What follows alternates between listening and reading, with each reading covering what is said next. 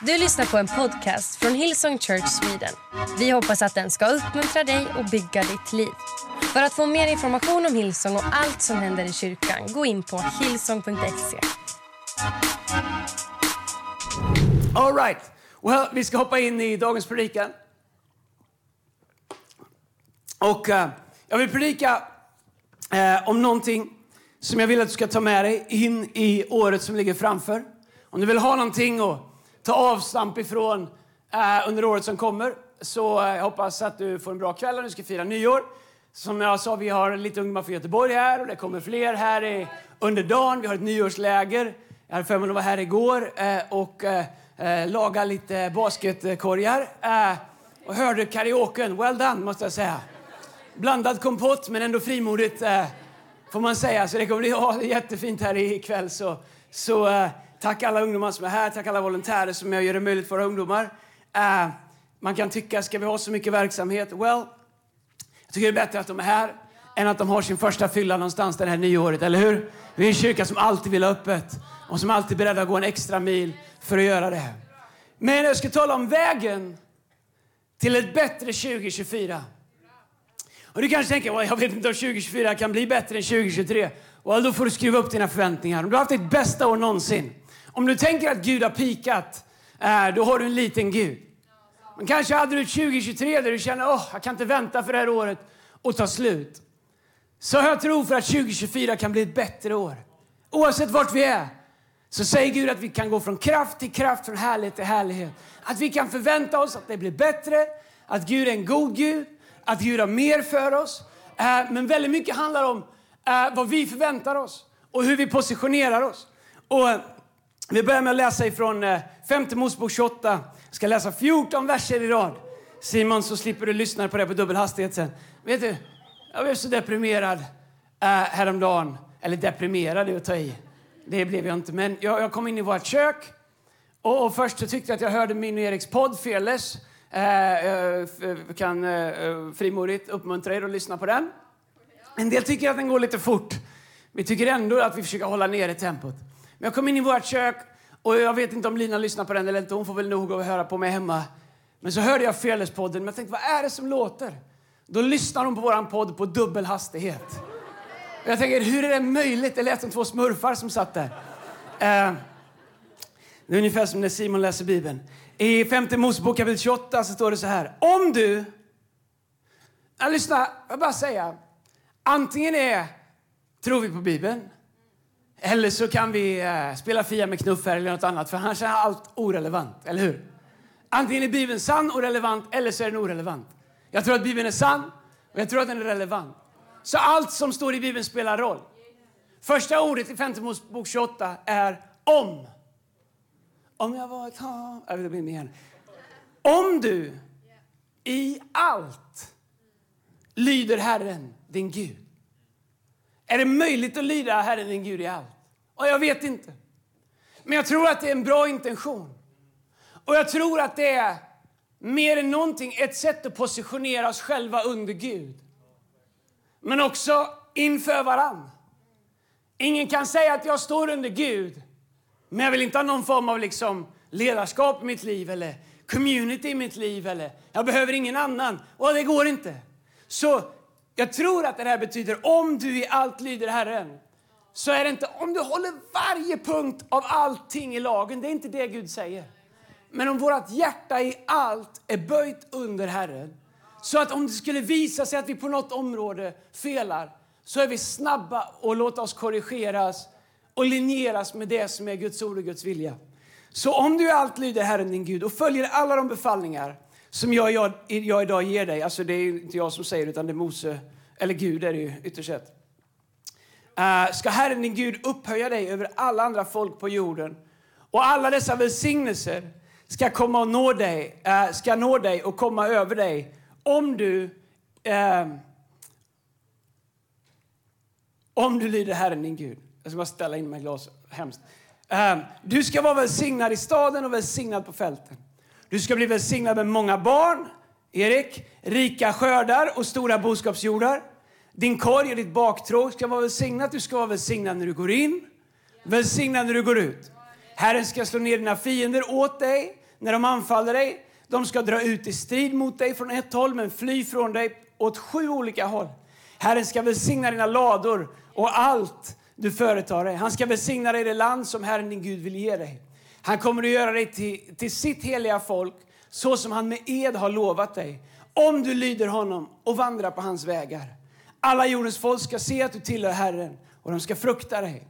Herren kommer att ge dig överflöd av allt som är gott så att han, som han med ed lovade dina förfäder.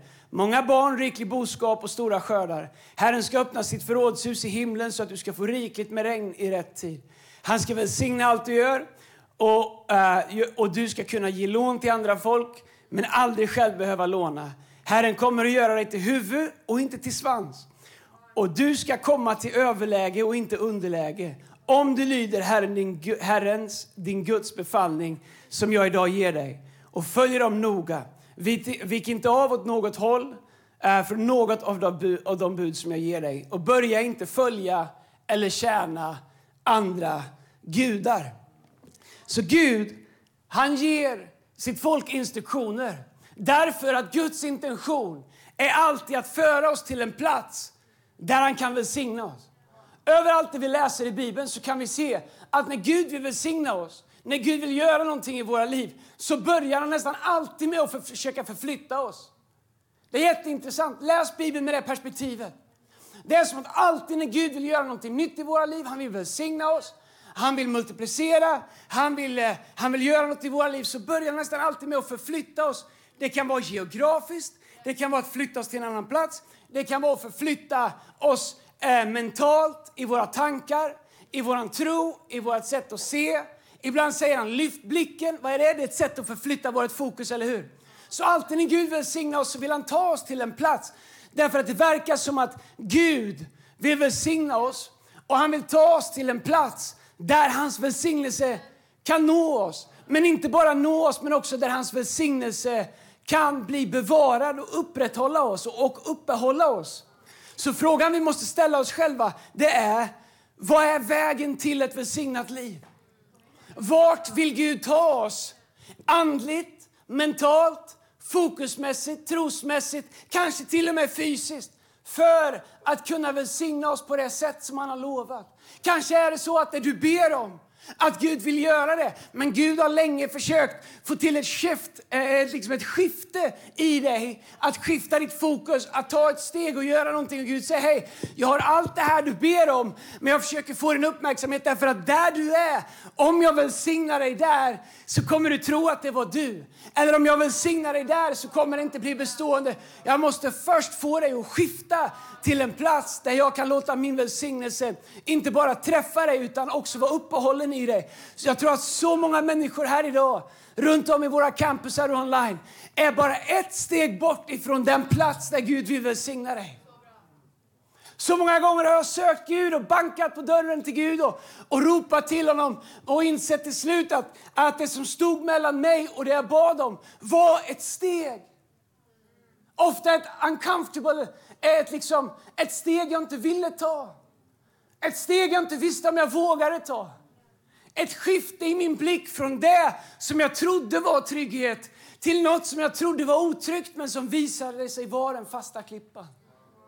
Tänk om det är så att vägen till ett välsignat liv 2024 handlar om ett skifte i våra liv. Handlar om beslut som vi behöver ta i våra liv. Att det inte är ett lotteri, 5 äh, Mosebok 28. Kanske Guds välsignelse kommer över mig. Nej, löftet gäller alla. Det är ju det pingsten betyder, att löftet gäller alla, eller hur? Så Gud har lovat oss ett välsignat liv. Så vad är vägen till ett välsignat liv? Är det bara lite Hammarnorge eller lite name it and claim it? Den är inte vuxit upp med det här. Det har funkat i USA. Är det bara liksom bless it, confess it och tro att det bara kommer? Om jag bara säger rätt sak, men bara gör rätt sak? Eller finns det andra saker som spelar in? Är Guds välsignelse som ett julbord? Gärna sill, men inga grisfötter. Gärna lovsång, kortare predikan. Mindre lovsång, längre predikan. Gärna vara med i kyrkan, men ingen gemenskap. Gärna njuta av frukterna, Men aldrig vara med och duka bordet. Come on somebody, jag vet att det kommer nära. Nej, Guds välsignelse är inget julbord. Hur många gillar ens julbord? Det är liksom en glorifierat leftovers. Det är ju det det är. Julbordet kommer från att man i Sverige dukade fram det som fanns kvar rest på, på året. Och så någon sa, låt oss kalla det delikatesser. Grisfötterna, vad ska vi göra med dem? Jag vet, vi har ett julbord. Nej, jag är inte så mycket för julbord. Vi har en annan tradition hemma hos oss.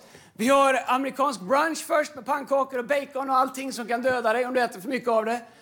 Och sen så har vi en viltbuffé fram på eftermiddagen. Det är åtminstone en sak som passar ihop. Eh, det är lite svårt med majonnäsen och sillen. Den har en förmåga att skära sig. Kom on somebody. Men du vet, Guds löften är inget julbord. Eller påskbord, det är samma som julbord fast det vi har kvar då. Eller midsommar, det är allt vi inte åt under jul och påsk. Guds löften är inte det. Det är liksom inte en frukostbuffé på Scandic där vi går och plockar och tar. Nej, Guds löften är något annat. Guds löfte är att vi ställer oss på en plats där Gud får göra det Gud vill i våra liv. Där vi fullt ut säger ja och amen till det som Gud är.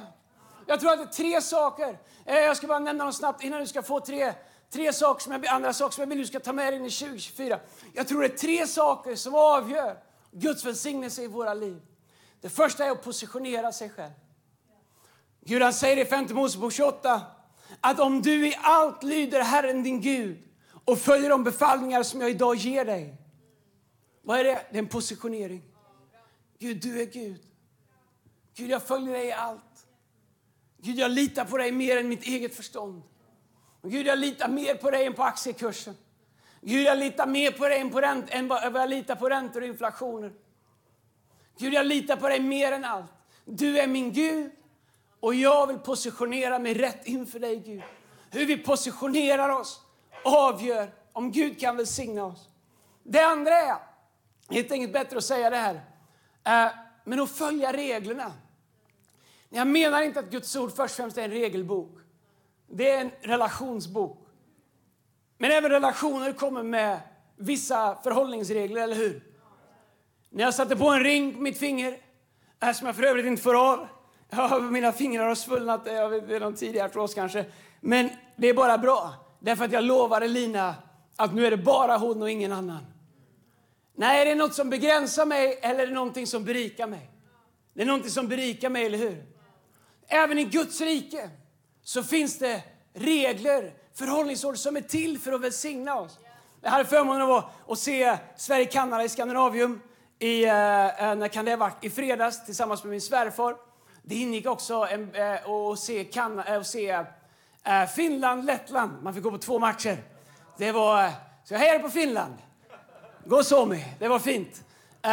och, men när jag var där så insåg jag att de måste följa reglerna, eller hur? Det är därför man vet vem som vinner. Jag vet inte när du växte upp om du höll på med sport eller annat. Och du hade någon när ni spelade fotboll eller hockey som alltid du vet, så här, tog upp bollen och ville diskutera reglerna. Hade ni någon sån? Come on, det fanns alltid en, alltid. Du vet som alltid ville pausa matchen och du vet, plocka upp bollen. Ofta var det hans boll också, eller hennes boll. Eh, och du vet så här, här är min boll. Vänta, nu vill jag... Och vet, jag hade en så, jag kan inte säga vad han heter. Eh, ganska nära familj. Uh, och, men det var alltid man bara visste, åh oh, nej, släpp bollen, du får mål, bara vi kör. Nej, nu måste vi prata igenom reglerna. Ofta ville de göra om reglerna också, hålla på och greja. Du vet så här, det är lite som när vi spelar fotboll, vi, har ju, eh, eh, vi försöker göra en staffläger för all vår personal med hela familjer. Vi åkte till en lägergård, typ så här, några dagar, uh, för att investera i vår personal, få med familjer och barn. Och då spelar vi alltid en fotbollsmatch. Jag vet inte om man ska komma på den idén, men men vi spelar en fotbollsmatch och då är det, vad är det, över 30 mot under 30 eller 25 eller vad är det? 30. Alla vi som är över 30 mot alla de som är under 30. Vi spelar en fotbollsmatch. Nej, det är ju bara på kul. Det är väl ingen som bryr sig om hur det går. Förutom att vi har vunnit fyra år i rad. Över 30. Eh, men uh, fast de är yngre och snabbare uh, så är vi smartare. och det kan också ha att göra med att de första åren så var jag och Erik också domare, flygande domare. Men vi fick väldigt mycket domslut med oss kan man säga. Fick någon straff extra här och där. Det var, var lite vår fördel. Förra året tog de in en extern domare. Han var nära att åka hem i första halvlek. Vi var, vi, det var inte bra. Vi nötte ner honom lite, tyvärr. Förlåt, Örebro, han är med Örebro. Det ska vi skärpa oss, jag och Erik. Men mest Erik, men också jag. Uh, så hade vi Tobias Gard och Simon Fangreus som var kristliga uh, mittbackar. Men du vet, det går liksom inte att göra om allting som man vill. Ska du vinna en match då måste du spela efter reglerna. Det är samma sak med Guds välsignelse. Vi kan säga och klippa och klistra hur vi vill om saker och ting. Men det betyder inte att Gud kommer välsigna det. Så vi måste positionera oss rätt inför Gud. Vi måste spela efter Guds regler. Och det sista är söka ett liv i renhet. Nej, renhet är ett gammalt ord och en del kan tycka att det är belastat. Men ett liv i renhet, det innebär jag vill leva ett liv. När Gud ser på mitt liv så inser jag att han kommer inte se perfektion. Men tack gode Gud för vad Lina sa, att genom Jesu blod, genom vad han gjorde så har vi fått rättfärdigheten som en gåva. Kristus har gjort oss rättfärdiga. När vi inte kunde göra oss rättfärdiga så gjorde han oss rättfärdiga. Men det betyder inte, så här, lyssna, om jag behöver liksom en, en, en, ett nytt hjärta, vilket jag hoppas att jag aldrig behöver, jag försöker ta hand om det jag har. Men om jag någon gång skulle få ett nytt hjärta transplanterat så skulle jag känna en enorm tacksamhet till den som donerade hjärtat till mig. Jag skulle leva med en känsla av ansvar. Att ta hand om det och leva på ett särskilt sätt för att hedra det som den personen gav, eller hur?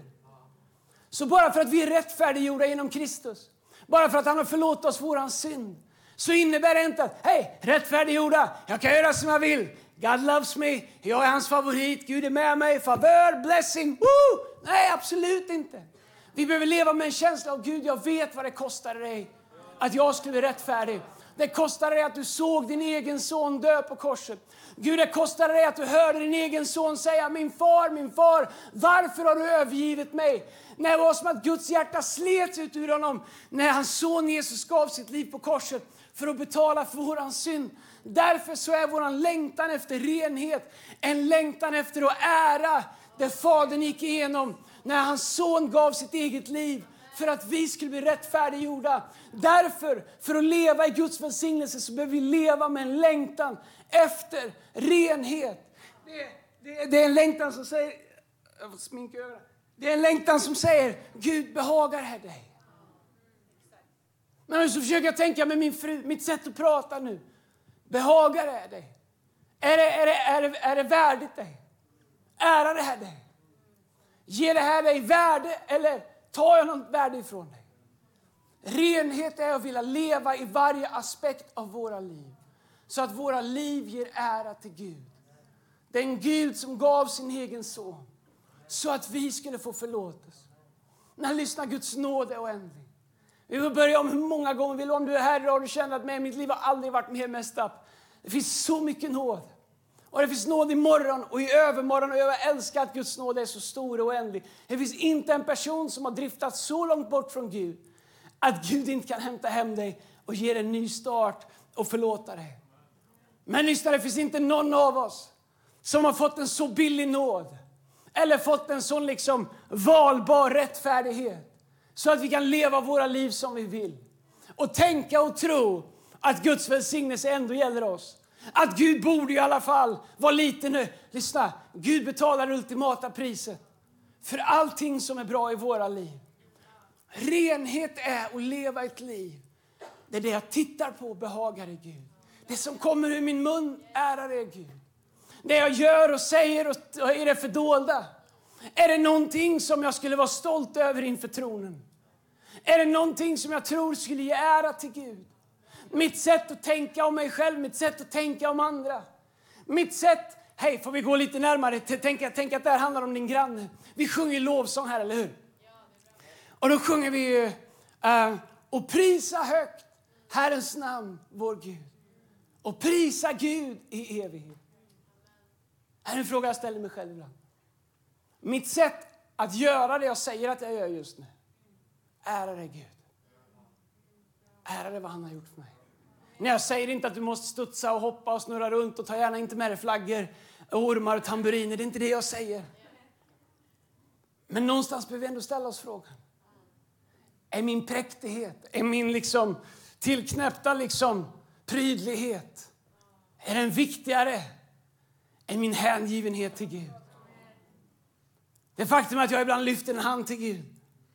Vad någon granne eller någon partner ska tycka om det är det viktigare än att Bibeln säger lyft heliga händer till Herren. Prisa Herren med lyfta händer.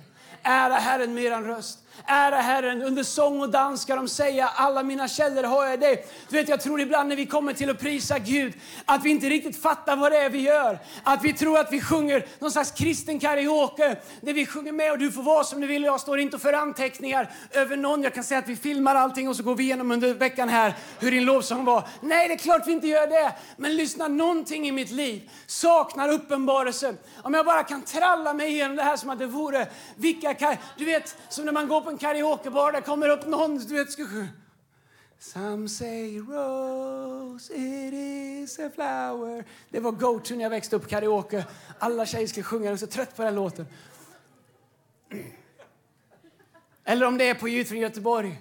Let it go, let it go.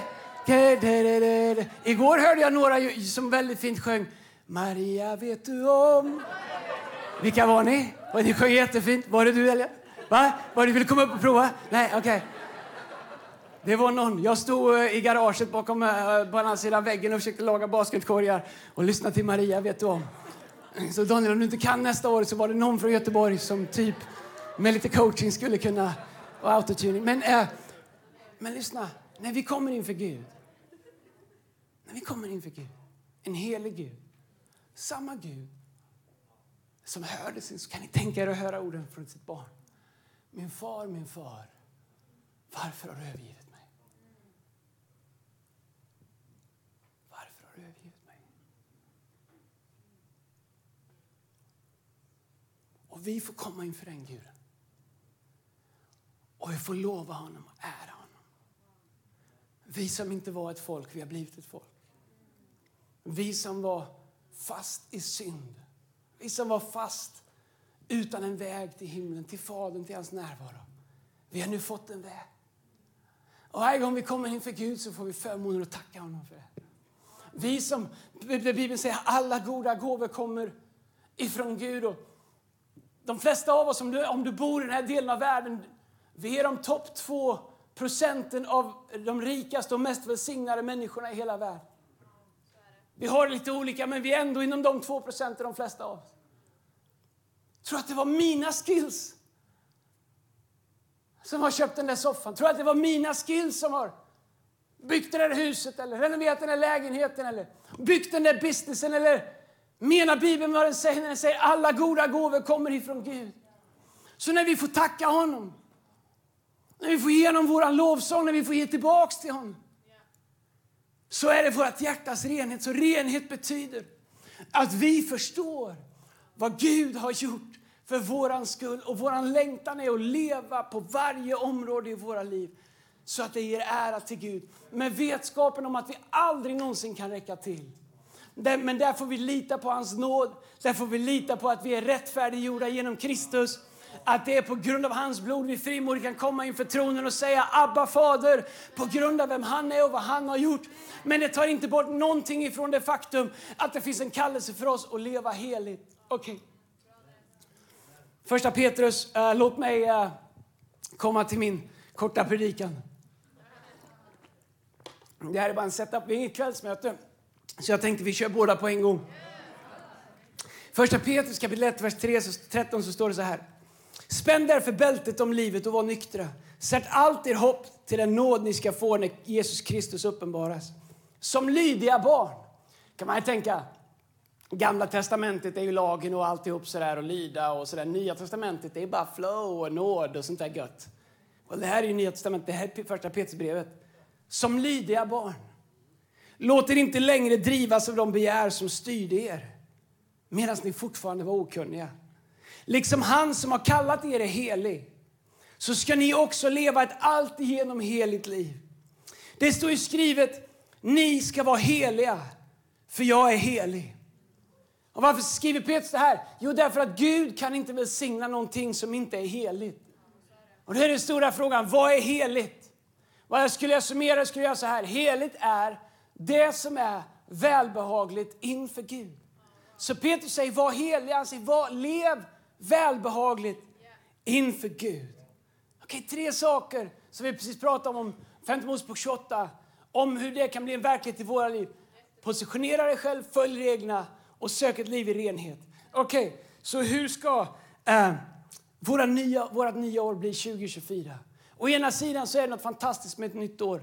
Å andra sidan så behöver man inte överdriva det för mycket. Eftersom Bibeln säger att Gud är densamma igår, idag och all evighet. Han är evig Gud, han är alfa och omega. Gud är inte bunden av tid. Förstår du? Han är redan igår, han är, eller han är fortfarande igår, han är redan imorgon. Så det är inte så att Gud du vet, så här, räknar tolvslaget. Men, men det spelar ändå roll, för i Bibeln så är år viktiga. Och skiften är viktiga. Så hur ska vi gå in i vårt nya år? För att kunna leva ett välsignat liv. Och jag skriver ner tre saker som jag tror att vi kan ta med oss som en påminnelse ganska snabbt här i slutet på mötet. I Jesu namn. En del av er kommer lite sent så jag får predika lite extra länge för er. Vi har gjort så här att ju senare folk kommer till gudstjänsten, ju längre predikar vi så att alla får lika lång tid på sig. Så ni som kommer i tid, om ni tycker det blir längre då får ni prata med dem som kommer i tredje lovsången. Det är... Skojar. Tre saker du måste bestämma dig för. Nummer ett, vad ska du lämna kvar i 2023? Lyssna, jag har saker som jag kommer lämna i 2023. Jag gör allt jag kan för att de aldrig mer ska synas i 2024. Har du sådana saker? Vad ska du lämna? Det finns saker som vi aktivt behöver bestämma oss för. Det där ska stanna i 2023. Det är sätt att tänka, det är sätt att göra. Det har burit olika saker. Lukas kapitel 9 och vers 1 till 6. Du kan bara skriva ner jag kan bara citera det så kan vi spara lite tid. Jesus sänder ut sina tolv lärjungar och han säger till dem, ta inte med er något på vägen. Ingen vandringsstav eller väska, ingen mat eller pengar och inga extra skjorta. Utan när ni kommer till ett hus, stanna där tills ni vandrar vidare därifrån. Och, och så säger han till lärjungarna, hej, släpp inte med er massa saker. Ta inte med er massa extra saker. Och jag läste bibelordet några gånger här sista veckorna när jag har funderat på nästa år. Vad är det för saker som Gud säger till mig? Vad är det för saker som Gud säger till dig? Ta inte med dig de där sakerna. Lämna kvar de där sakerna bakom. Vet du, vissa saker är som en följetong. För er som är lite äldre, man växte upp på nyårsafton, grevinnan och betjänten. Same procedures last year, det är bara slaska med. Eller Ivanhoe och en pizza på nyårsdagen. Come on somebody. Det var det på den tiden man visste man firade nyår. Det är bara saker som sker, men ingen vet riktigt varför. Vad är det för saker i ditt liv som får ockupera space i ditt liv utan att du har fattat ett beslut om det? Det har bara liksom ockuperat plats i ditt liv och bara följer med från år till år. Vilka saker är det som du ska lämna kvar i år? Som inte ska få följa med längre? Jesus sände ut sina lärjungar och sa till dem att ta med sig massa saker därför att han ville att de skulle vara beroende utav hans ord. Vad är det i våra liv som vi släpar på som gör att vi inte är beroende av Gud? Vet du, jag tror att saker som vi värderar ibland kan hålla oss tillbaka. Saker vi tänker att det här kommer jag aldrig släppa taget om. Ibland undrar man inte de sakerna som ibland håller oss tillbaks från det som Gud har för oss. Vet du, ibland så kan tidigare success vara den största utmaningen för det som Gud vill göra i framtiden. Han tänker att tidigare misslyckanden är den största utmaningen för det som Gud vill göra. Och det kan det vara för oss. Vi känner oss dåliga och misslyckade och vi vet inte om vi vågar prova igen. Men vet du, ibland så kan framgång faktiskt vara ett ännu större hinder. Därför att vi vågar inte ta nya steg. Vi bara paraderar runt och håller upp och visar vad vi har gjort, vad vi lyckades med, vad vi har byggt, vad vi har uppnått, hur bra vi är. Och vi, vi liksom polerar våra minnen och håller upp våra tidigare successer. Och vi bär dem från år till år och inser, att de, inser inte att de tar plats för, för det som Gud vill göra nu. Tack gode Gud för vad han gjorde då. Men jag vill inte leva i vad Gud gjorde då. Tack gode Gud för hans trofasthet då. Tack gode Gud för hans välsignelse då. Tack gode Gud för segrarna i Globen 2023. Men vi kommer inte samlas här 2024 och prata om vad vi gjorde 2023. Vi kommer samlas här 2024 om ett år och prata om vad Gud gjorde 2024. Så tack gode Gud för tidigare framgång. Men jag vägrar att låta det ockupera space 2024 för det som Gud kallar oss till att göra i tro under året som ligger framför. Du och jag, vi måste, vi måste ibland lämna saker som vi håller fast i. Tidigare segrar. Eller oförlåtelse som vi går och bär runt på. Ibland är det ett beslut. Sluta vara förorättad. Nu du vet inte ont det gjorde. Nej, men det kommer inte göra mindre, år nästa, mindre ont nästa år heller. Gå till Gud. Förlåt puckot som gjorde det då. Ursäkta ordvalet. Sluta leva i oförlåtelse. Det går att få kraft från Gud och förlåta allting. Allting. Jag säger inte att allt är lätt, men jag vill ändå säga det till någon. Gå inte runt med oförlåtelse. Det är gift i din kropp som djävulen skjuter in som knark i ådrorna på dig. Gå till Gud. Be om kraft att förlåta. Rädslor vi släpar på, tvivel vi bär på, stolthet vi går runt som får ockupera plats i våra liv.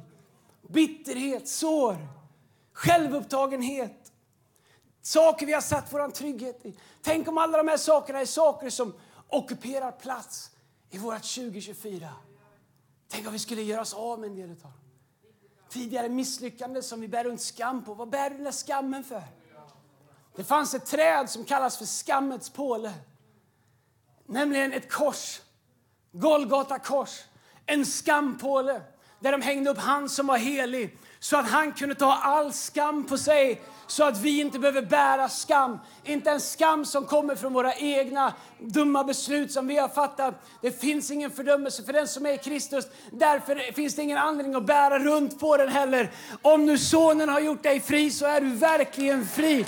Gör dig av med det du bär på. Lämna kvar det. En del av er, vid 12, ni behöver åka hem direkt efter mötet. Bara skriva en lista på saker ni kommer lämna 2023. Och när tolvslaget slår, pussa den som står närmast om, du är hyfs, om det är någon du är hyfsad ihop med. Eller inte alls.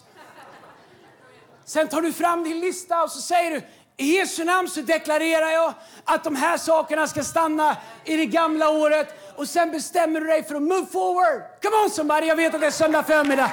Men jag kan komma ner och predika om det krävs för att ni ska vakna till här inne. Gå inte runt med gamla oförrätter och bär på saker och ting som ockuperar välsignelser som Gud vill ge er i det nya året. Ge mig en keyboard ska vi göra möte av det här i Jesu namn. Första Petrus kapitel 1. Underbart Daniel. Första Petrus kapitel 1, vers 6 säger Petrus, var därför glada, även om ni nu för en kort tid måste gå igenom alla slags prövningar. Genom dessa förädlas er tro, så att bara det som är äkta blir kvar. Det som är långt mer värt än guld. Som förädlas i eld men ändå förgås. Det som blir till lov, pris och ära när Jesus Kristus uppenbarar sig. Lyssna! De viktigaste prövningarna som vi går igenom det är för att vi ska lämna saker bakom oss och för att vår tro ska förädlas. Men om vi inte lämnar dem bakom oss, om inte elden får bränna upp dem så de försvinner, så kommer det aldrig göra skillnad i våra liv. Du får ingen guldstjärna för att du går Han är likadan idag och jag är ännu värre. Hur är det jobbet? Är du frälst? Vill du bli glad som mig? Ta emot Jesus, var frälst. Han vill ha vad du har. Förstå, prövningarna är till för att bränna bort det där som vi går och bär på. Därför säger Bibeln tacka Gud när ni går igenom alla slags prövningar. Prövningen kom inte bara för att förstöra ditt liv. Prövningen kom för att Gud vill bränna bort det där som du går och bär på. Så att din tro kan förädlas, så att Kristus kan förhärligas. Kasta av, lämna kvar det som håller dig tillbaks. Kasta av bördor som du bär. Alla bär bördor. Men bär du rätt bördor? finns inget liv utan bördor. Men det finns rätt bördor och fel bördor. Alldeles för många bär på bördor som Jesus har lovat att bära. Alldeles för många baxnar under trycket från bördor som Jesus har lovat att bära. Men jag tror inte att det finns ett liv där vi tjänar Gud som är helt utan bördor. Men det gäller att veta vilka bördor som jag ska bära och vilka bördor som Jesus vill bära. Om jag ska vara helt ärlig, det här året som ligger bakom, för min egen del har varit ett år av bördor. Kanske det största i mitt liv. På så många olika plan. På privata plan, i vår kyrka globalt, i vår kyrka här i Sverige, Vi ska struktureras om, vi ska ta nästa steg. Och hur ska vi formeras? Och hur ska det här leva vidare? Vad är Guds plan? Och vad är konstruera en församling? Och hur ska det vara? hur ska alla vara nöjda? Hur ska vi få till allting? Och hur ska den och hit och dit? Bördor, bördor, bördor, bördor. Och jag, det, jag, jag har aldrig haft ett år där jag känt att det är så mycket bördor. Jag har aldrig haft ett år där jag känt att knäna har varit så svaga. Men vet du? Jag har insett att det finns bördor som jag behöver kasta till Jesus. Ytterst sett, så det han har kallat oss till, det bär han. Så de bördor som vi bär, som Gud har sagt att han vill bära åt oss, de måste vi lära oss att gå till honom med. Och jag är sämst i klassen på det. Jag tar dem på mig själv som något slags messiaskomplex. Istället för att förstå att jag kan gå till Gud med det. Matteus 11.28 säger Jesus, kom till mig alla ni som arbetar och bär på tunga bördor, så ska jag ge er vila. Ta på er mitt ok och lär av mig, ty jag är mild och ödmjuk i hjärtat, då ska ni finna ro för era själar. Ty mitt ok är milt och min börda är lätt.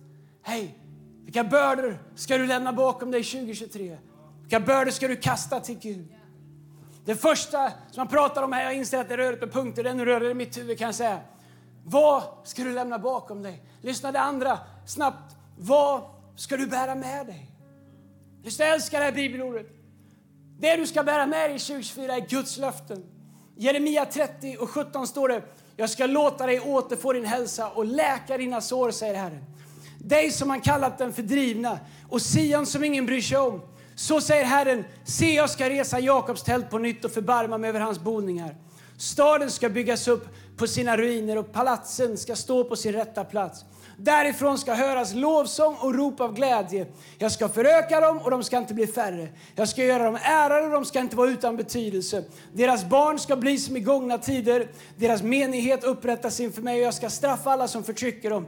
Deras ledare ska komma ur deras egna led och deras härskare uppstå mitt ibland dem. Jag ska låta honom nalkas mig och komma nära mig. Vem annars skulle våga komma nära mig, säger Herren. Så Gud, han har gett dig löften.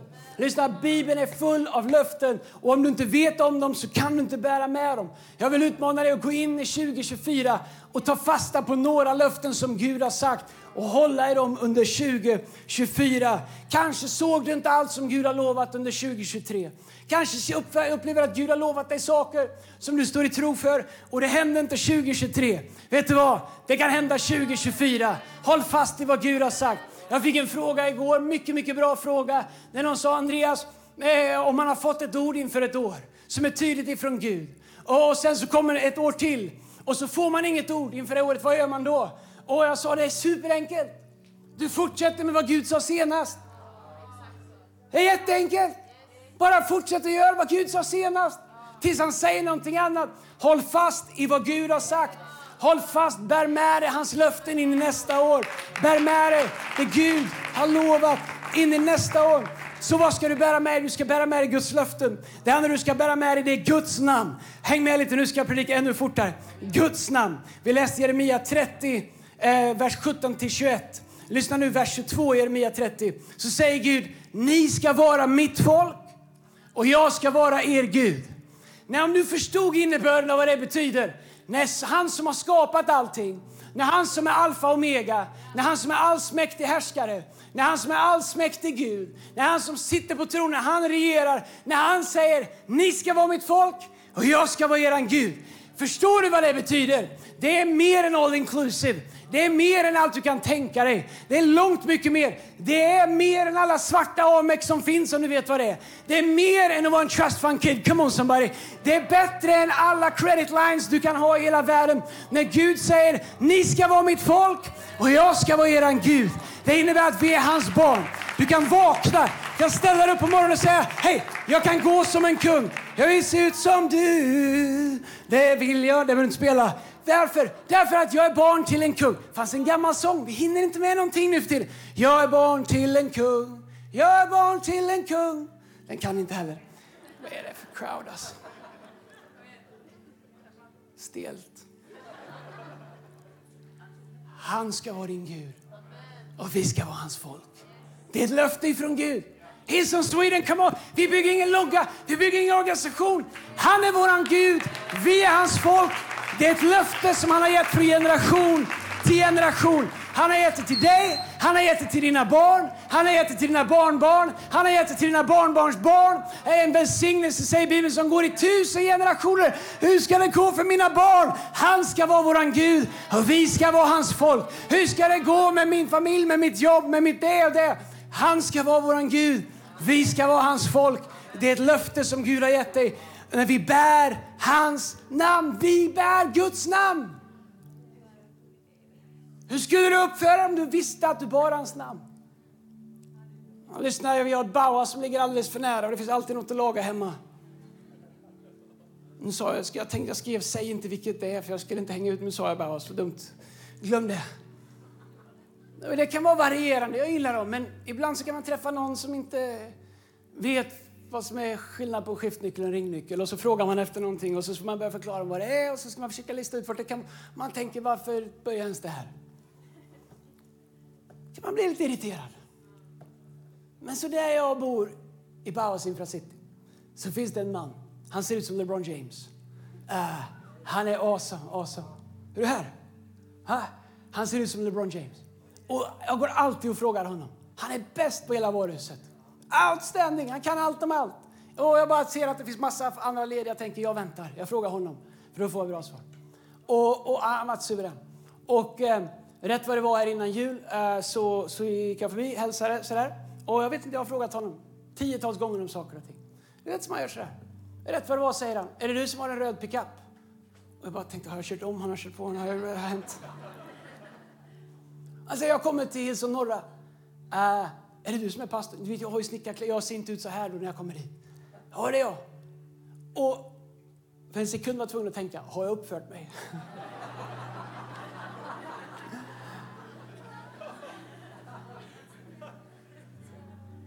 jag tror det. Men vet vad det påminner mig om? Jag bär hans namn. Jag bär hans namn. Vart jag än är. Och det ska vi bära oss med in i nästa år. Det tredje och det sista. Vad ska du plocka upp inför 2024? Lyssna, profeten Elia har en hangaround, som heter, en intern som heter Elisa. Och det, Elia säger till Elisa, du har varit en god hjälp. Be mig om vad du vill och du ska få det. Och Elisa säger att det enda jag vill är att när du dör att jag får en dubbel arvslott av din mantel, av din smörjelse, det som är Gud över ditt liv. Så står det så här i Andra Kungaboken kapitel 2, vers 9. Vad vill du att jag ska göra för dig innan jag blir hämtad härifrån? frågade Elia när de gick över. Låt mig få dubbelt så mycket av den ande som du själv har, bad Elisa. Du har bett om något mycket svårt, svarade Elia. Men om du ser när jag tas bort ifrån dig, då ska du få vad du begär, annars inte. Medan de gick där och samtalade med varandra kom plötsligt en vagn av eld och som drogs av hästar som också var väld. Vagnen körde fram mellan dem och skilde dem åt och Elia fördes i en stormvind upp till himlen. Elisa såg det och ropade min far, min far, Israels vagnar och, och ryttare. När Elia försvann ur sikte rev Elisa sönder sin mantel. Sen tog han upp Elias kvarlämnade mantel och gick till Jordans strand. Där tog han manteln som fallit av honom och slog med den på vattnet. Var är Herren, Elias Gud? frågade han. Men Elisa slog på vattnet, delade det sig och Elisa kunde gå över det. Lyssna, vad ska du plocka upp inför eh, 2024? Elisa har en längtan efter att få det som han ser i någon annans liv. Han har en längtan efter Gud. En längtan efter mer av Guds ande, mer av det gudomliga i sitt liv. Nej, jag längtar efter det i mitt liv. Att mer av dem jag ber för skulle bli helade. Att mer av dem jag ber för skulle bli befriade. Att fler av dem jag vittnar för skulle ta emot Jesus. Att jag skulle få leva mitt liv bättre så att fler människor skulle se Jesus i mitt liv. Att jag skulle få mer tålamod. Att jag skulle våga tro Gud om mer. Att jag skulle våga ge mer i tro. Att jag skulle våga gå mer i tro. Att jag skulle våga leva mer i tro. Att jag skulle våga göra dubbelt så mycket som jag vågat hittills. Och att Gud skulle ge mig dubbelt så mycket av sin Ande. Att det skulle finnas mer i mitt liv 2024. Inte bara ett år till, inte bara same procedures last year. Jag vill ha mer 2024. Jag vill plocka upp saker, jag vill att Gud ska lägga saker i mitt liv inför 2024 som inte har funnits där innan. Men hur ska man göra det? Elisa förstod det. Elisa positionerade sig för att kunna plocka upp manteln från Elia. Och lyssna, om du fattar vad jag säger nu så fattar du vad jag säger. Det mesta av det du vill ha ifrån Gud i ditt liv handlar om hur och var du positionerar dig i livet. That's it. Vi kan prata om det en annan dag. Men så är det. Och Gud har en mantel för dig. Gud har en kallelse för dig. Gud har en auktoritet för dig. Gud har en arvslott för dig. Och en smörjelse för dig. Men du måste positionera dig rätt. Och du måste positionera dig på rätt plats. Det andra vi ska plocka upp och det sista inför 2024, det är gudomliga ögonblick. Gudomliga ögonblick. Märker vi dem? De här gudomliga ögonblicken. Uppenbarelseboken säger den som har öronen hör vad anden säger till församlingen. Men jag vill bli mer uppmärksam på de gudomliga ögonblicken. Jag vill bli mer uppmärksam på vad anden gör. Det fina, inte bara när han kommer i stormen så alla ser. Jag vill höra honom när han viskar. Jag vill se när han arbetar. Jag vill se när han rör sig. Jag vill fånga det han gör i mitt liv, det han gör i min familjs liv, det han gör i vår kyrkas liv. Märker jag dem? Letar jag ens efter dem? Lyssna, David, han skickar inte ut sitt CV runt om i världen. Men Gud berättade för Samuel om att David fanns. Lyssna, det finns gudomliga ögonblick som väntar dig. Men det handlar inte om vem du är connectad till och vem du är kompis med på LinkedIn eller vem du följer på Instagram eller vart du sitter eller hur det går. Här, lyssna, David han var gömd, ingen visste vem han var. Han skickade inte ut sitt CV, han hade ingen sida där han promotade sig själv. Han var gömd, undanstoppad. Han gjorde ingenting för att få jobbet som kung. Men Gud visste var han fanns. Och Gud talade till Samuel. Vet du vad jag tror? Här har jag upplevt att Gud sa när jag förberedde det här. Vi kommer se övernaturligt många eh, eh tillfällen det här året med människor i vår kyrka, i alla våra campusar, runt omkring våra campusar. Den kommer han titta på mig. Vi kommer se ögonblick det här året där människor kommer uppleva en övernaturlig gudomlig favör. Det andra kommer säga, hur gick det ens till? Och det kommer gå till så här, att människor kanske inte vet vad du kan, vem du är och vart du är. Men Gud han vet var han har sina Davids, vare du kille eller tjej. Och du behöver inte gå på myten i den här världen om att du måste promota dig själv, att du måste liksom hissa dig själv, att du måste slå dig själv på bröstet. Du kan vara gömd som David och aldrig ha delat ditt CV. Jag pratar inte bara om i kyrkan, jag pratar om i din karriär, i din familj, på alla livets områden. Därför att du behöver inte promota dig själv, för Gud vet vart du är. Och Gud kommer tala profetiskt till människor som kommer gå och hämta dig och leda dig till en plats av välsignelse som Gud. Vi kommer se det 2024. Och människor kommer säga, hur kom han i den positionen? Hur kom hon i den positionen? Hur fick han det företaget? Hur fick hon den familjen? Bla, bla, bla, bla, bla. Och människor kommer säga, vet du vad? Gud har profeter som vet var David är någonstans. Så tro inte att du är bortglömd bara för att det inte händer förrän 2023. Därför att Gud är på väg att hämta sina tjänare som tjänar honom trofast i renhet, som värderar hans närvaro, som vill leva heligt inför honom. Även om de är långt, långt ute på fältet. Gud nämnde David för Samuel. Må Gud nämna dig till någon som kan leda dig in i ditt purpose under 2024. Och om det är från Gud så kommer du komma dit hur mycket du än kämpar emot det. Om det inte är från Gud så kommer du aldrig lyckas med det hur mycket du än kämpar med det. Därför är det bättre att ge sig till Guds vilja. I Jesu namn. Tack Jesus. Tack Jesus. Lovsångsteamet kan komma fram. Här, lyssna, vi ska, jag ska be. Jag ska be. Om ni, ska vi göra så att vi reser oss upp på alla våra campus. Vi bevarar stillhet. Jag ska be en bön. Eller rättare sagt, vi ska sjunga lovsång. Ni får stanna med på campusarna. Det, det går som det går. Häng med. Strunt i teknik här. Vi ska sjunga en lovsång. Sen ska jag be vad jag tror är en profetisk bön. För, för var och en i vår kyrka. Inför 2024. Men han ska sjunga en låt först. Det att jag vill att vi ska kalibrera våra hjärtan. Vad ska du lämna i 2023? Vad ska du bära med dig? Och vad ska du plocka upp? Jag tror på heliga beslut i det här ögonblicket. Jag tror att det kommer ske skiften i människors liv de närmsta två minuterna. Och If you're in it, you're in it. Amen. Så kom on med hängivenhet i våra hjärtan. Ska vi börja sjunga den här sången tillsammans i Jesu namn. Du har lyssnat till en podcast från Hillsong Church Sweden. Om du vill veta mer om vår kyrka eller om våra söndagsmöten surfa in på hillsong.se.